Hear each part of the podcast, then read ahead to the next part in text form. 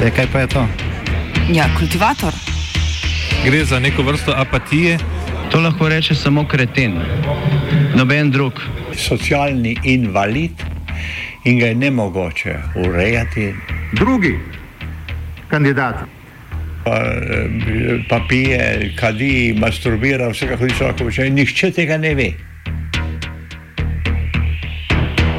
Vsak petek skultiviramo dogodek tedna. Lahko po kriterijih radio študent, težko pa po evropskih kriterijih. Ampak na drug način, kot vi to mislite. Kultivator vedno užge. Da pač nekdo sploh omenja probleme, ki so, in da pravzaprav sploh nekdo sproži dogajanje uh, v družbi. To drži, drži. Kdo preferira volivne okraje?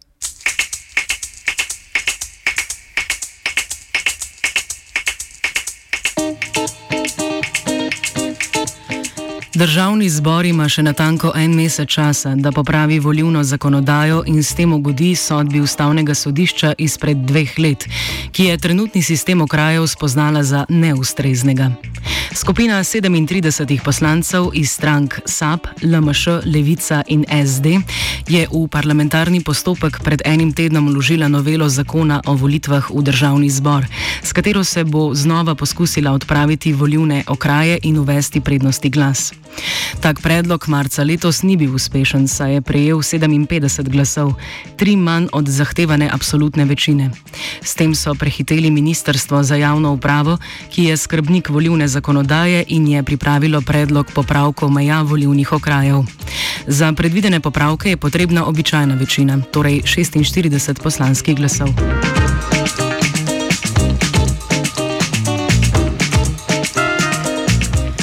Problem, ob katerega se je obregnilo ustavno sodišče, tiči v volivnih okrajih, ki se po velikosti močno razlikujejo. Osnovna volivna razdelitev slovenskega volivnega sistema je sicer razdelitev na volivne enote. Teh je osem, iz vsake pa v parlament pride enajst poslancev. Volivne enote so sicer razdeljene na prav tako enajst volivnih okrajev, a ni nujno, da je iz vsakega volivnega okraja izvoljen en poslanec. Še dva poslanca izvolita narodnostni manjšini, s čimer pridemo na 90 poslancev, kolikor jih sedi v državnem zboru. Pomen volivnih okrajev razloži Saša Zagorc, profesor na pravni fakulteti Univerze v Ljubljani.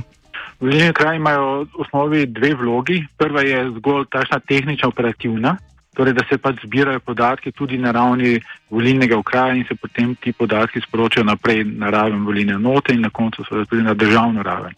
Kar se pa tiče delje, delitve mandatov, torej same volilne formule, pa imajo volilni okraji na prvi pogled eh, pomembno vlogo, ampak če gremo bolj konkretno pogledati, pa vidimo, da ima mnogo večji pomen seveda raven volilne enote in raven države. Torej, volilni okraj se pravzaprav pride poštev kot neka pomoč pri izračunu, kateri poslanec je na koncu izvoljen. Namreč eh, zanimivost našega volilnega sistema za volitve v državnem zboru je naslednja. Eh, ko dobi neka politična stranka oziroma v volilnem žargonu rečemo temu lista kandidatov, poslanski mandat, je treba ugotoviti, kdo iz njenih vseh teh kandidatov je tisti, ki bo pravzaprav v parlamentu sedel. Kdo je tisti, ki dobi poslanski mandat.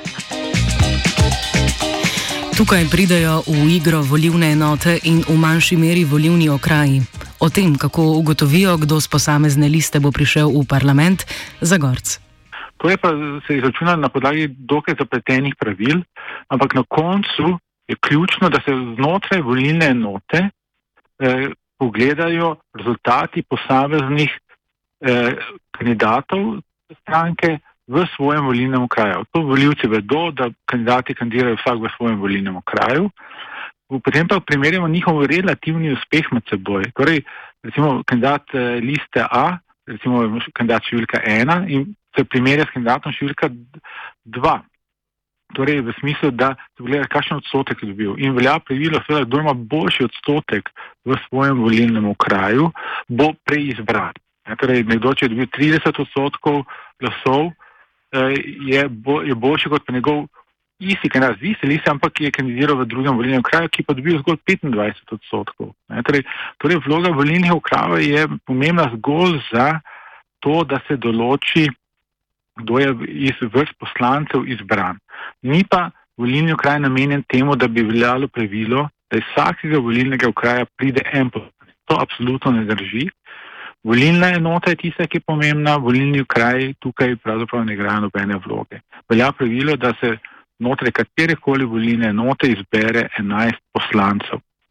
Lahko se zgodi, v praksi se to zgodilo, da ima nek volilni kraj dejansko na koncu tri poslance, v nekaterih volilnih krajih pa pravzaprav že nekaj let, da pa nekaj mandat ni bil izvoljen niti ene poslanec. Ampak to je bolj posledica takšne razdelitve glasov na ravni volilne enote. Volivni okraji se po številu precej razlikujejo. Največji, grosuplje, ima več kot 30 tisoč voljivcev, najmanjši, hrastnik, pa malo več kot 8 tisoč. Volilni kraji so dejansko različno veliki. E, tudi znotraj posameznih volilnih enot so ta razmerje nekako, da so največji volilni kraji znotraj volilne enote za 50 odstotkov večji od poprečnega in v razmerju od največjega do najmanjšega je, je pa razmerje tam med 2,5 do 3,3. Kar je seveda z vika neke enakosti ni, po, ni popolnoma eh, pravično, ampak to ni bilo ključno stališče ustavnega sodišča. Ustavno sodišče je samo reklo, da kriteriji, ki so določeni za oblikovanje volilnih okrajev, dejansko ne ustrezajo več realnih sliki na terenu, da je to treba nekako bolj umehčati To je ena od potencijalnih možnosti, ki je pravzaprav z razlago odločbe ustavnega sodišča lahko ugotovimo. Torej, da se prilagodijo volilni okraji v smeri, da bodo čim bolj po številu eh, voljivcev oziroma prebivalcev med seboj podobni. Sodba ustavnega sodišča je pustila zakonodajalcem precej prostora, kako naj odpravijo neskladje z ustavo. Kot najbolj realistični sta se pojavili možnost spremembe meja okrajev in možnost spremembe volivnega sistema z ukinitvijo volivnih okrajev in uvedbo preferenčnega glasu. Najbolj eksplicitno bi sodbi ustavnega sodišča sledila sprememba meja volivnih okrajev. Res po črki zakona sledili temu, kar je ustavno sodišče v odločbi reklo. Tukaj je, kar je zanimivo, tukaj je potrebna nižja zahtevana večina. Namreč večina opredeljenih glasov vseh poslancev, pravzaprav navadna večina, s katero odloča državni zbor. Težava, seveda, doseganja te večine je ravno tak, o kateri smo že večkrat povedali, da tukaj ni nujno soglasja eh, za podporo med posameznimi poslanci in poslanskimi skupinami in političnimi strankami. Ne, torej, eh, tukaj poslanci izrazito gledajo svojo osebno korist, osebni uh, interes uh, in si ne želijo spreminjanja volilnih okrajev, ker ti vedo, da seveda se jim s tem realno zmaš, lahko zmanjšujejo možnosti izvolitve in ni nujno, da bodo poslanci neke liste parlamentarne skupine glasovali enako. Ja, torej, nepredvidljivost tukaj je zelo velika. To je, To je prvi problem, čeprav je večina nižja. Drugi problem je pri tej drugi alternativi, torej sprememba volilnega sistema, kjer bi ukinili pravzaprav pomen volilnih okrajev. Tukaj pa se pojavi problem, ker pa je res stroga večina. Namreč eh, volilni zakon se spreminja z dvotretinsko absolutno večino, torej vsaj 60 od 90 poslancev. To je bilo že večkrat poskušano, eh, že pred več kot desetimi leti, tudi pred kratkim je ponovno bil ta predlog, da bi se uvedel zgolj preferenčni glas, pravi preferenčni glas, in ni bila zadostna večina. Kot vemo, je zmanjkalo, mislim, da eden ali dva poslanska glasova, ampak vendarle. Rudi Medved, poslanec stranke Marjena Šarca, se je s preminjanjem volivne zakonodaje ukvarjal kot minister za javno upravo v prejšnji vladi, v kateri je nastal tudi predlog za spreminjanje meja okrajev. LMŠ sicer zagovarja ukinitev okrajev in uvedbo preferenčnega glasu stranka voljivcu usili kandidata ne, in ta ga voli, pa mu je všeč ali mu pa ni všeč. Če mu je stranka sama všeč, seveda dobi zraven tudi morda kandidata, ki mu ni všeč. Ne. Uh, ukinitvijo volivnih okrajev in uh, z uvedbo uh, preferenčnega glasu, potem pa damo uh, voljivcu novo orodje, novo moč, saj ima možnost izbire. V naših razmerah, seveda, med enajstimi kandidati praktično iste stranke, ne, iste skupine. Torej, nima izbire samo med strankami, ne, ampak znotraj posamezne stranke med enajstimi kandidati. In uh, med njimi se lahko odloči, komu bo dal svoj glas uh, in uh, ga s tem napotil v parlament. Lahko pa se tudi odloči, da ne bo dal glasu nobenemu konkretnemu kandidatu, ampak mu je pa uh, stranka uh, blizu in bo volil stranko. Ne? Tako da, ima, uh, da je to celo uh, bolj demokratičen Čeprav je predlog za ukinitev okrajev prišel iz opozicije, se za ukinitev vsaj načeloma zauzemajo tudi v koalicijskih NSI in SMC. Stališče slednje predstavi poslanka Janja Sluga. Da mi zagovarjamo, da bi bil najlažji in najboljši način za uresničitev eh, te ustavne odločbe uvedba eh, relativnega prednostnega glasu in ukinitev volilnih okrajev. Še vedno, tudi danes, je naše stališče takšno in obžalujemo, da v prvem poskusu ni prišlo do podpore zadostnega števila poslancev. Um, zdaj pa seveda posledično je potrebno pa pristopiti uh, k uresničitvi te ustavne odločbe na nek drug način in ta način pa zdaj iščemo seveda preoblikovanje volilnih okrajev skladno s tem, uh, kar je reklo ustavno sodišče in skladno s tem, kar piše v zakonodaji, da morajo biti pač volilni okraji neke zaokrožene celote, ki so pa zaokrožene po nekih geografskih, zgodovinskih in še kakšnih drugih kriterijih. Socialdemokrati zagovarjajo ukinitev okrajev, a so pripravljeni sprejeti tudi primerno rešitev z risanjem novih okrajev, razloži poslanec Matjaš Han. Mi, eh, z razliko od drugih strank, tukaj vendarle moramo povedati, tistih, ki v bistvu nastajajo, nimamo težav ne z enim, pa ne z drugim, eh, bom rekel, na nek način sistemom, glede na to, da imamo terensko mrežo, da imamo ogromno občinskih organizacij. Eh, eh, zavedali pa smo se na evropskih volitvah, so nam, bom rekel, tudi rezultati glede volilnih okrajev, ukinitve volilnih okrajev, rezultati prinesli dober rezultat oziroma glasovi, tako da mi smo pripravljeni v bistvu na eno ali na drugo uh, opcijo. Uh, imamo pa seveda uh, tudi sklep predsedstva stranke, ki pa soglasno podprl uh, ukinitev volilnih okrajev. Spreminjanje meja volivnih okrajev je vprašljivo predvsem zaradi tega, ker bodo pri tem glasovanju stranke težko vzdrževale glasovalno disciplino svojih poslancev, ki bodo gledali predvsem na svoje lastne okraje. Razpoloženje v državnem zboru oceni Jrnej Pavlič, generalni sekretar stranke Alenke Bratušek, ki sicer podpira ukinitev okrajev. Ko, glede na to, da smo eno glasovanje v državnem zboru že imeli, dejansko nasprotuje samo v celoti največja koalicijska stranka, stranka SDS.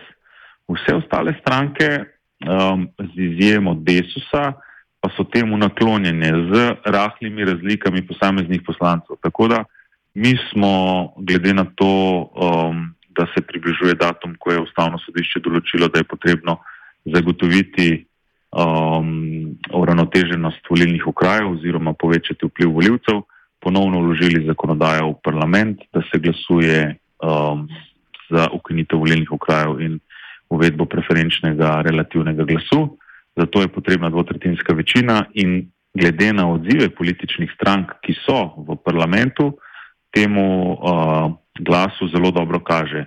Smo nekje blizu 60 glasov, Tako da jaz sem prepričan, da bodo v večini vse stranke, razen SDS-a, ta predlog uh, podprle in z upanjem zrem v to, da bi na naslednjih volitvah že lahko volili z uh, neposrednim preferenčnim glasom.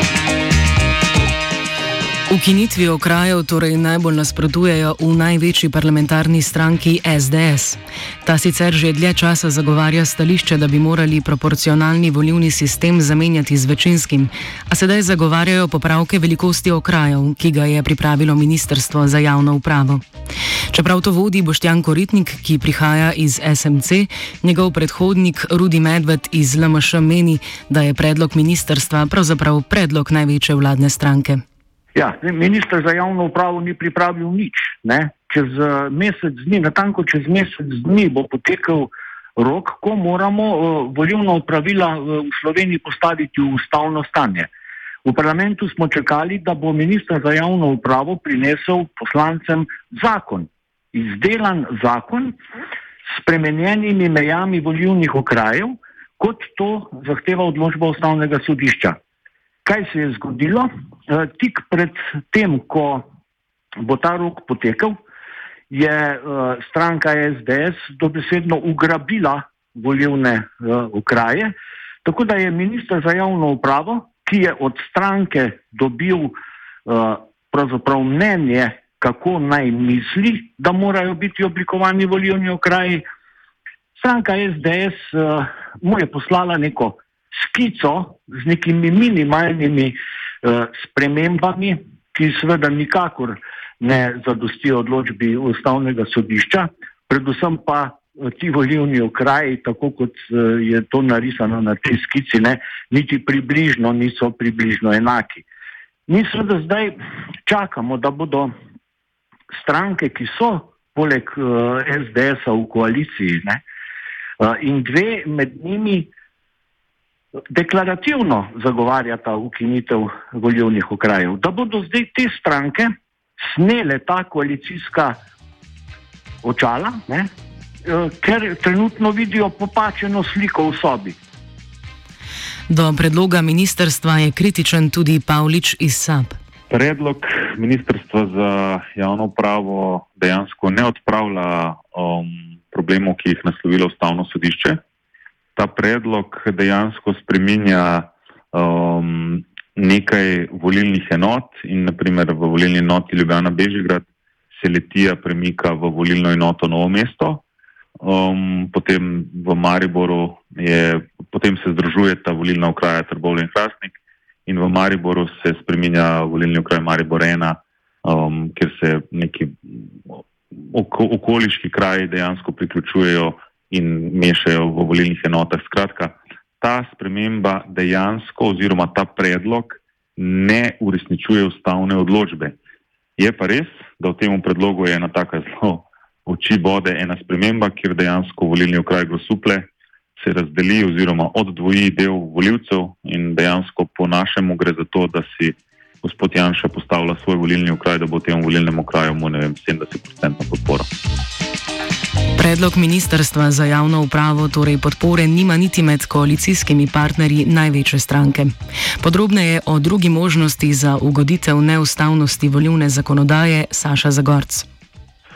Ni pa to tudi edini možni način razrešitve te odločbe ustavnega sodišča. Kot je bilo znano, je možno tudi spremeniti volilni sistem tako da volilni okraji sploh ne bi imeli več pravzaprav nobene teže. Torej, da bi res popolnoma odpravili pomen volilnih okrajev za dodelitev mandatov in bi se res v popolnosti mandate delili zgolj na ravni volilne enote. In to s pomočjo tako imenega preferenčnega glasovanja, torej da bi volivec dejansko imel možnost izbrati eh, enega izmed večjih kandidatov, neke liste, ki mu je sicer najbolj všeč. Torej, da je imel možnost izbire. To preferenčno glasovanje poznamo, tisti, ki smo že bili na volitvah eh, slovenskih poslancev v Evropski parlament, nam je to polno znano, to smo tudi posvojili in štejemo to kot neko zelo pozitivno eh, metodo eh, prispevanja k temu, da lahko voljivci res odločajo in izbirajo med kandidati. Ena ključnih očitkov, eden ključnih očitkov veljavnemu volilnemu sistemu za volitve državne zbor je ravno to, da politična stranka veže svojega kandidata za določen volilni okraj in volivec pravzaprav znotraj te iste liste nima možnosti eh, pravzaprav izbirati med eh, kandidati te liste, ampak mora pač vzeti zakup. In je na nek način tudi soočen z dilemo, ali bo glasoval za listo, torej za politično stranko, pač pravi mu kandidat, ki mu ga je stranka predlagala, sploh ni všeč, ali bo pa glasoval za nekega kandidata, ki mu je všeč, pa mu ni všeč politična stranka. Ne, torej, vidite, da voljivci smo nek način ujetniki volilnega sistema in volje političnih strank. Nimamo prave realne možnosti izbirati med večjimi kandidati iste politične stranke. Bi pa uvedba preferenčnega glasu pomembno spremenila dinamiko znotraj poslanske skupine. Močno bi se namreč zmanjšala moč, ki jo ima vodstvo stranke nad svojimi poslanci. uh, ideja preferenčnega glasovanja nedvomno poveča moč uh, voljivcev. Seveda, ker ti na koncu imajo dejansko besedo ne, za izbiro samega osebe, torej fizi, fizične osebe, poslanca, bodočega poslanca, potem res voljivci. Gotovo stranka ohrani veliko moč. Zakaj? Zato, ker je ona edina, ki pravzaprav kandidatu da možnost, da lahko sploh kandidira. Ne, in seveda bi politične stranke še naprej ohranila moč, vendar ne bi bila več takšna, kot je v danem sistemu, ko seveda politična stranka vpliva na voljivce, eh, pardon, vpliva na kandidate na dva načina. Prvič je s tem, da jim seveda reče, če želiš kandidirati na naši listi, bo seveda moral sprejeti program, če si že bil prej izvoljen, bo seveda ravnal v parlamentu, kot mi si želimo in tako naprej. Drugi vpliv je pa seveda tudi s tem, da stranka določi, v kateri volilni kraj bo lahko šel nek kandidat in stranka ve na podlagi preteklih izkušenj ali pa sondiranja javnega mnenja, kateri volilni okraji so njej boljši, kateri so tako manj izvoljivi, tako manj strankarske trdnjave in seveda kateri volilni okraji so tisti, kjer stranka nima niti teoretičnih možnosti, da bo iz nje prišel kakšen um, poslanec. Vsaj v tem trenutku se zdi, da ima največ možnosti pobuda opozicijskih strank, ki se jim bo pridružil del koalicije. O tem, kako v opoziciji upajo, da bo potekalo spreminjanje volivne zakonodaje, Pavlič. Časovnica, časovnica glasovanja v državnem zboru je sledeča. Mi smo ta predlog uložili. Računamo, da bo glasovanje že nekje v decembru. Um, vsekakor bo to glasovanje o preferenčnem glasu pred glasovanjem o spremembi volilnih okrajev, ki jih je pripravilo Ministrstvo za javno upravo. Kljub temu, da se dejansko te dva postopka ne peljeta na enak način, saj za spremembo um, volilne zakonodaje potrebujemo dvotretinsko večino, za spremembo volilnih okrajev pa navadno večino, ki jo koalicija ima v primeru. Ampak v koaliciji, kot uh, veste, sta že v prvo podprla to tudi Nova Slovenija in stranka modernega centra in en poslanec Desusa in tudi v tem ponovljenem glasovanju se pri njih nič ne spremenja in mi računamo, da se nam bo še kakšen poslanec tudi od stranke Desus in uh, od manjšincev pridružil in da bomo imeli 60 glasov um, in da to spremljamo. Tako da mi računamo, da na decembrski seji oziroma v decembru bo več ali manj vse znano, ali je bil ta poskus uspešen ali ne, to, ker je tudi časovnica ustavnega sodišča um, nekako um, zahteva, da se to spremeni do konca leta. Še morda najbolj verjetna možnost pa je, da se pred iztekom roka čez en mesec ne zgodi nič in se poslanci ne uskladijo o nobenem predlogu. O tem, kaj bi to pomenilo, za gorc. Predsednik republike tukaj tudi izpostavlja to uh, kot neko resno ustavno krizo. Mogoče je za te nek malce preveč dramatičen, ker eh, tašen, ni to takšen problem, ker po obstoječem volilnem sistemu smo glasovali že vrsto let, pa noben ni pravzaprav nikoli dojema tega, kot da gre za neko izrazito hudo težavo in tudi dejansko v praksi ni tako huda, kot so želi predsednik republike prikazati. Ampak vendarle, eh, prizadevati se moramo, da eh, bo prišlo do spremembe in da res v popolni meri uskladimo z odločbo ustavnega sodišča. Če pa ne bo prišlo do tega, pa seveda se pojavi, poveča se vsaj tveganje, da lahko pride do določenih ukrepov, kjer bi razveljavili volitve. No, pa jaz mislim, da do tega ne bo prišlo. Da kljub neki reci, eh, očitkom ustavnega sodišča se je ustavno sodišče po mojem mnenju ne, ne bi dovolilo razveljaviti volitev. Zato, ker Eh, pravzaprav neke prave alternative ni, ker še vedno se je treba spremeniti volilni sistem in bi zgolj zaradi nekih stopric ponovno še enkrat šli na volitve. Toda, v mojem mnenju se kaj takšnega ne bo zgodilo. Vsekakor si pa še enkrat podarjam, moramo prizadevati, da se res uh, sistem v tej manjši meri uskladi tako, da bo popolnoma agresiven. Poslanci vseh manjših strank bodo v prihodnjih tednih torej ponovno skušali ukiniti volivne okraje, s čimer bi vsaj znotraj posameznih volivnih enot volitve v državni zbor postale podobne tistim v Evropski parlament. Vprašanje pa je, ali se zavedajo, kakšne posledice bi to lahko imelo za politično dogajanje v parlamentu. Glavna značilnost slovenskega parlamentarizma je namreč prav velika moč ne, ne poslancev, ampak strank, znotraj katerih demokracija ne obstaja. Ukiniti ukinitev volivnih okrajev in uvedba preferenčnega glasu bi pomenili, da vodstvo stranke svojemu poslancu ne more zagroziti z deložacijo na volivni okraj, kjer ne more biti ponovno izvoljen v parlament, kar je zdaj glavno orodje discipline v poslanski skupini. Očitno je, da to dobro ve najbolj izkušeni med strankarskimi prvaki, Janez Janša, ki se dobro zaveda moči, ki jo v politiki prinese strankarska disciplina.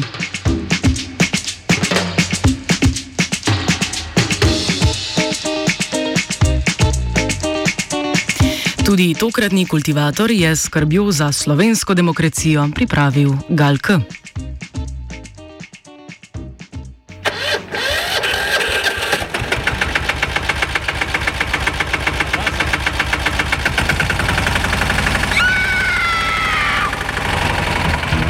kaj pa je to? Ja, kultivator. Gre za neko vrsto apatije. To lahko reče samo kreten, noben drug. Socialni invalid in ga je ne mogoče urejati. Drugi kandidat. Pa, eh, pa pije, kadi, masturbira, vse kako hoče lahko počne. Nihče tega ne ve. Vsak petek skultiviramo dogodek tedna. Lahko po kriterijih radio študent, težko pa po evropskih kriterijih. Ampak na drug način, kot vi to mislite. Kultivator vedno užge. Da pač nekdo sploh omenja probleme, ki so, in da pravzaprav sploh nekdo sproži dogajanje uh, v družbi. To drži, drži.